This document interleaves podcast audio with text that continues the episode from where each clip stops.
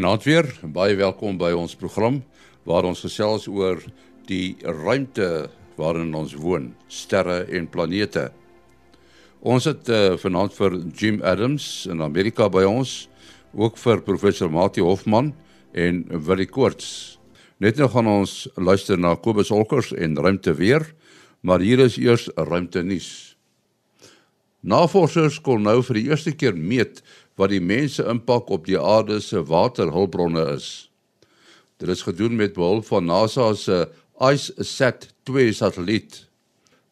Die satelliet stuur elke sekonde 10000 laserpulse na die aardoppervlak. As die pulse teruggekaats word na die satelliet, kan baie noukeurige hoogtemetings elke 70 cm tydens die oorvlug van die satelliet doen.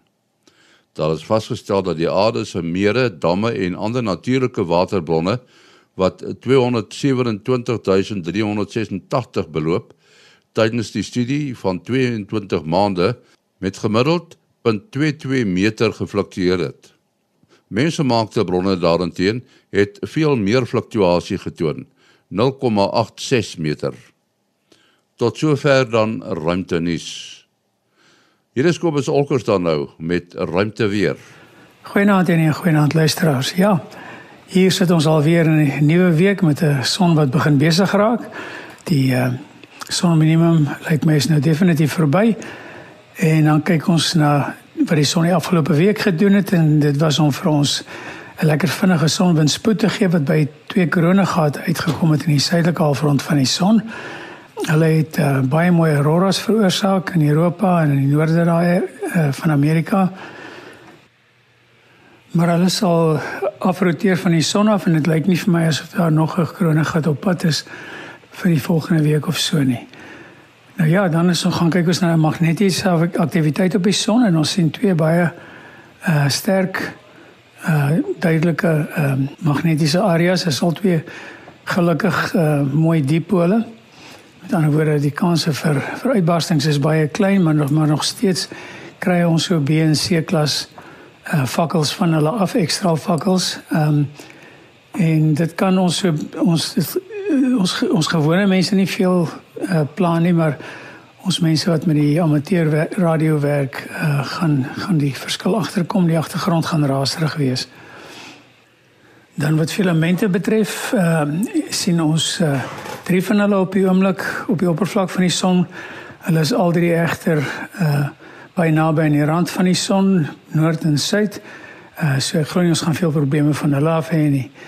Nou ja, dit is ons storie vir die week en goeienaand almal. Dit was Kobus Olkers. Ouder gewoonte het ons uh jou eerste sonnig in die maand het ons vir uh Jim Adams daar in Maryland in die Verenigde State. Good evening, Jim. Goeienaand. I, yeah. I think I said it right. ja, Jim kom al goed reg met die Afrikaans. En dan dan het ons ook vir uh Willie Koorts. Hallo Willie. Ha, goeienaand almal. En natuurlik vir uh professor Mati Hofman. Goeienaand. Right, uh, we decided to dedicate the whole program on the pers- uh, perseverance little toy, I want to say, that is Ingenuity, the little helicopter. Jim Japie was very much involved with this project, isn't it? Yeah, yeah, he was. Uh, he was definitely as in his position of leadership at JPL. Uh, he was um, pushing the envelope, uh, not only to assemble the right team, but also to um, make sure that it stayed at the forefront of NASA headquarters missions. So, in other words, that, that we funded it and that we uh, we endorsed it and we found a way to get it to Mars. Now, what's interesting, uh, you know, we, we talk about the Ingenuity uh, helicopter, whether you can name it a helicopter or a drone, I'm not sure. But I think the traditional image that people have of a helicopter is uh, the the two rotors and then a small rotor at the back. But now yeah. this uh, Ingenuity doesn't have a rotor at the back. How does it work? There are helicopters on Earth that work this way. Uh, they're less common, and some drones on Earth actually work this way, but the the two rotors on Ingenuity um, counter rotate. The the blade at the back of a traditional helicopter is designed to keep control of the yaw of the helicopter. So, uh, you know, as as one blade goes around, it imparts a torque to the body of the helicopter, and so you need another counter um, rotating or counter um, something to counter that, that torque, which is what's going on in the tail of a helicopter. In this case, what they've done is they've put one blade that rotates one way and one blade that rotates the other way, and they um, balance out the torque that each other makes. And so then the body of ingenuity can stay stable and not spin around. Mm. Uh, Jim, do they both provide uh, lift? Yes. And you can see that in if you see the pictures of it, you can see the uh, pitch of the blades and that sort of thing. The other interesting thing about the the blades of this helicopter is they're both uh, they're both about 1.2 meters in diameter, they're extremely thin and very, very stiff. There's a there's a an effect uh, in terrestrial helicopters, in Earth helicopters, called blade flop, and that's because the blades, when they get really long, they tend to sag and they swoop, and as they go around, they they vibrate, they w- wiggle. Well, the vibration from the Ingenuity blades, if they if it had some blade flop, um, would just tear the the uh, the little unit apart. So they had to find a way to make these blades extremely stiff and still provide the lift, which is also a feat. Uh, as you mentioned, um, the, they fly the Ingenuity in um, in Martian atmosphere that's the equivalent of being at 40 kilometers altitude here on Earth, which is a very, very high. And so the Ingenuity actually has to fly in essentially 1% of the Earth's atmosphere. And that means getting the right pitch on the blades, it means getting the right diameter on the blades and running it at the correct speed um, so that you can actually get lift. Hmm. What is also interesting that I've seen, it looks like the top rotor is providing mostly lift, where the bottom rotor has got the control for being able to fly in a certain direction. Um, but of course, the top rotor is pushing down air through on, onto the bottom rotor. So ideally, it sounds like these rotors would have been better if they were apart. But there, there wasn't space in the mission for all of that, so it had to, because of these blades being so tremendously long. Yes, that's right. Um, even though it's a small payload by NASA standards. You know, the body of the helicopter is just about 13 centimeters or so. The blades needed to be very long in order to get the lift. And that, that goes to a question that you often get from people, which is, well, why didn't they just use a quadcopter that they could buy at the local uh, hmm. market? Mm. And, and the answer has to do with the blade design mostly well that and the autonomy of the unit because you know there's nobody joysticking this helicopter. Mm-hmm. they upload a series of commands and ingenuity decides how best to um, to fly whatever route they tell it to fly. Uh, uh, jim i've looked at a photo of the team uh, of ingenuity and actually uh, this uh, Japie van Zyl uh, when he was still uh, there at NASA, visited the team uh, that year as in his uh, leadership role. And but there are more than 20 members, uh, and the uh, chief engineer is a lady. and he played a video of talking about Japie's involvement with with the ingenuity well, she's uh, should be quite a remarkable person. But it's just difficult for for, for someone uh, to understand why would they need twenty brilliant people for mm. such a tiny helicopter. You mentioned the thin atmosphere, but in what aspects does this helicopter differ from helicopter flying in Earth's atmosphere? uh, which is a challenge in itself because uh, we are aware that uh, it took much more time uh, to develop helicopters than uh, airplanes. it is a big team, which is uh, fantastic. And one of the reasons the team is so big is because the mission itself is so inspiring. And we really should talk about that at some point here. But the reason that there are so many members to the team really has to do with the specializations of the engineering that's necessary in order to make ingenuity happen. There are thermal control engineers, there's mechanical engineers, there's aerodynamics engineers, there's solar power engineers there's communications engineers, there's camera engineers, there's um, systems engineers that that uh, that pull it all together, and then there's people that help integrate the whole thing onto the rover. So if you just think about that, um, uh, it's a challenge just to assemble the right team to be able to um, to build ingenuity. It's kind of like an operating room, isn't it? In a, in a hospital, you know, you've got anesthesiologists and surgeons, and you've got nurses, and everybody's got their own specialty. Um, they bring in specialized doctors for whatever surgery is happening. It's the same sort of thing. Everybody has a specialty, everybody has a skill, and they do it well in order to make the mission happen.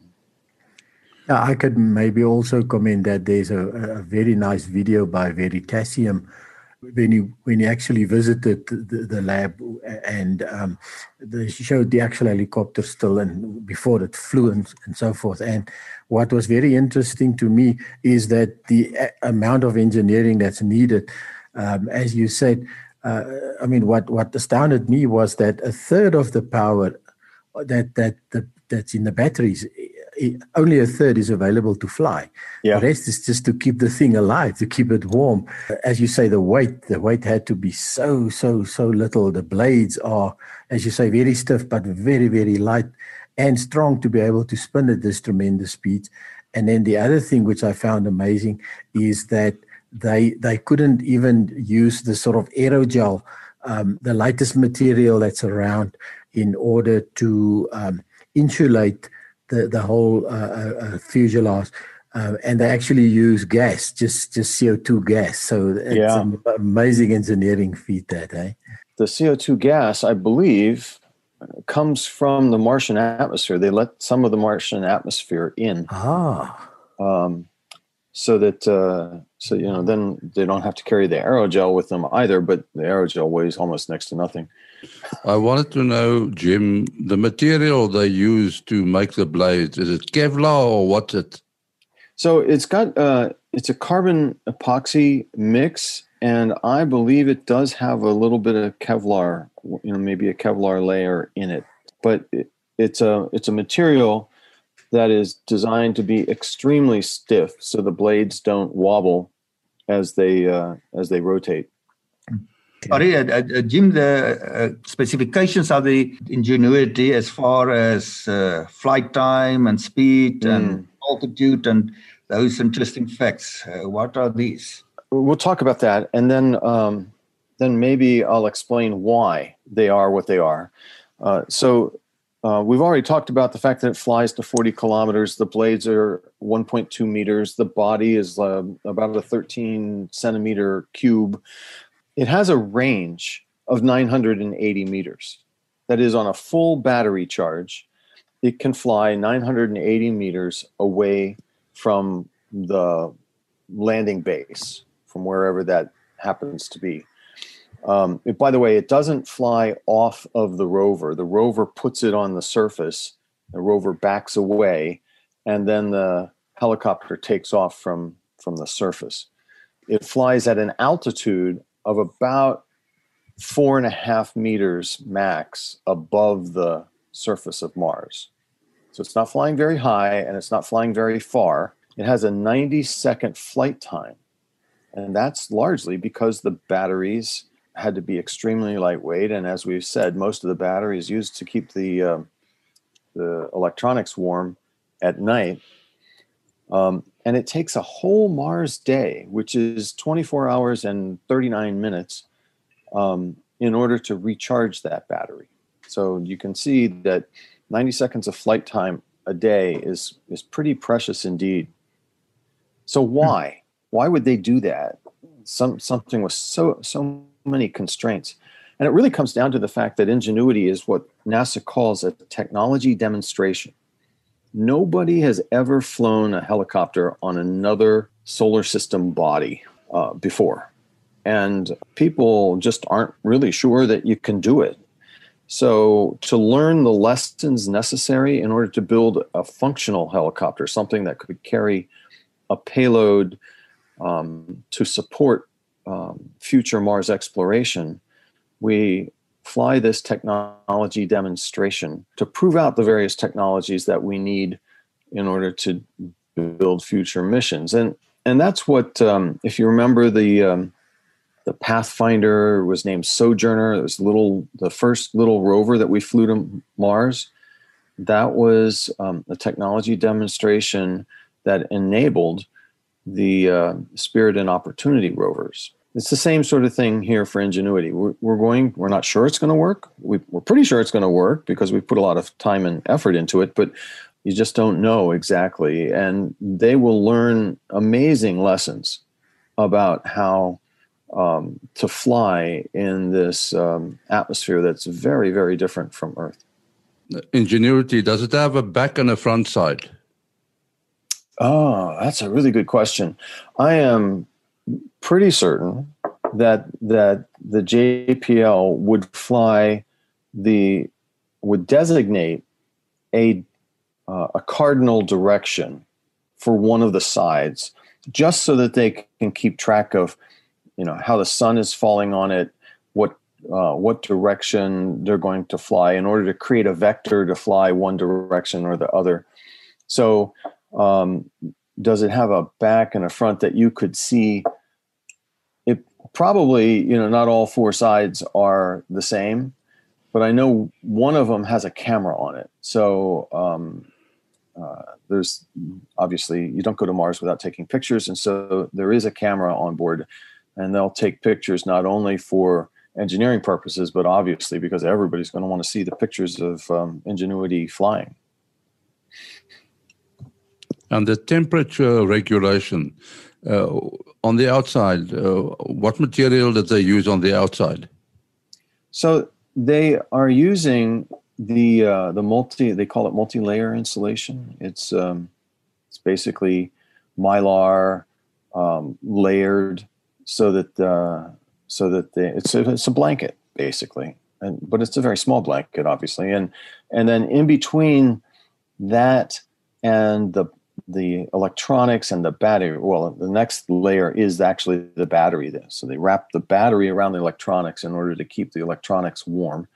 And in between the blanket and the battery is this CO2 gas that we talked about, which basically is Martian atmosphere, in order to try and um, keep the thing warm. You know, um, I tried to find the temperature uh, variation in Jezero crater, um, and I I couldn't. But on the equator in the summer at Mars, just in the summer on the equator at Mars, um, the temperature extremes are are very wide. The high for the day could be as much as 20 degrees C, and the low often gets down into the minus 70s oh. C. So uh, it's a big challenge to try and um, make this thing work just from a thermal standpoint. And uh, Jim, the, uh, just uh, still trying to understand more about uh, how Ingenuity navigates on uh, on Mars. You mentioned it traveling at well, what was the speed? But it can't, uh, translates into about 10 meters per second. That's the speed of a very fast 100 meter runner, mm-hmm. and it takes it takes pictures of Mars sur- surface and has to recognize that while it's flying at that high speed and have to keep track of its position relative to the rover. And it also probably have to keep track of um, the vertical picture, not just horizontally. So, is there some stereo capacity? How exactly uh, does it succeed to to navigate without GPS? Ingenuity has built into it um, a rudimentary inertial measurement system, accelerometers, and other devices that enable it to know how high it's it's flown up. And if you remember that, then you know how how far down it is, right? Hmm. Or to know how far it's translated one direction. And if you remember that, then you know how far you have to go to get back. So that's the um, the fundamental navigation system of ingenuity. Okay, so it's a relative, uh, relative navigation relative to where it started. Perseverance will set it down, and Perseverance, of course, has a very sophisticated system of nav cams um, that take a stereo image of the region every night, and they uh, they reconstruct the region so that they know exactly where the um, the Perseverance rover is relative to, to the geological features on the surface of Mars. And then they, the other thing that they can do is they can place both Ingenuity and the rover to some degree of accuracy by using the ranging from the radio communications both back to Earth and to the um, uh, to the Maven and MRO spacecraft. Ingenuity will talk to Perseverance. The Perseverance will talk to the uh, to the relay spacecraft orbiting overhead as well as back to Earth, and so they'll have this sense of um, tri- uh, radio triangulation as well. Now, Jim, uh, when Ingenuity takes off, uh, it flies out. Uh, can it put itself down at a certain spot, uh, go up again and come back, or is it always fly out and come back? So um, I believe that what the, so the the engineers that designed this are going to be very very cautious. So the first time it flies, they're going to go up, and they may not even go the full four meters. Right? They'll, they'll probably go up a meter and see what happens, and then put it right back down from where it took off. Now the interesting thing about that is every time they t- they take off, they're going to blow a bunch of dust out I don't know if they've thought of this, but if I were there, they would have thought of it. It it would be best to land in the same spot that you just took off of because there's less dust there, right? They'll try a few trials where they go up a little bit and then ultimately they'll go up a little higher and then I believe they'll go out, up and out, but they won't go the full range. They'll because if it goes down and perseverance has to go find it, that's a that's a quite of a drive for perseverance. So they'll go out a few meters and then come back. So there, will be a series of gradually more and more aggressive tests. The mission itself is designed to last for 30 days. So after 30 days, the uh, ingenuity is supposed to be done. Um, that's not only the design lifetime of the helicopter, but also how they've scheduled the tests and the operations associated with proving the technology for ingenuity. Of course, on the other hand, the Mars exploration rovers, Spirit and Opportunity, were designed for 90 days, and uh, one of them lasted over 10 years. So we'll see. I believe I believe the the very first test is actually going to be a mutual selfie a mutual self. Wouldn't that be cool, huh? that, that is it, apparently. Yeah. So an interview with one of the engineers. He said, yeah, and we're in we're in the selfie era, so that's what we're gonna do. a lot of people in the Facebook group were asking, "Well, where are the pictures?" And I believe the answer is they haven't deployed Ingenuity yet. It's no, still tucked no. up underneath the no. belly of the rover.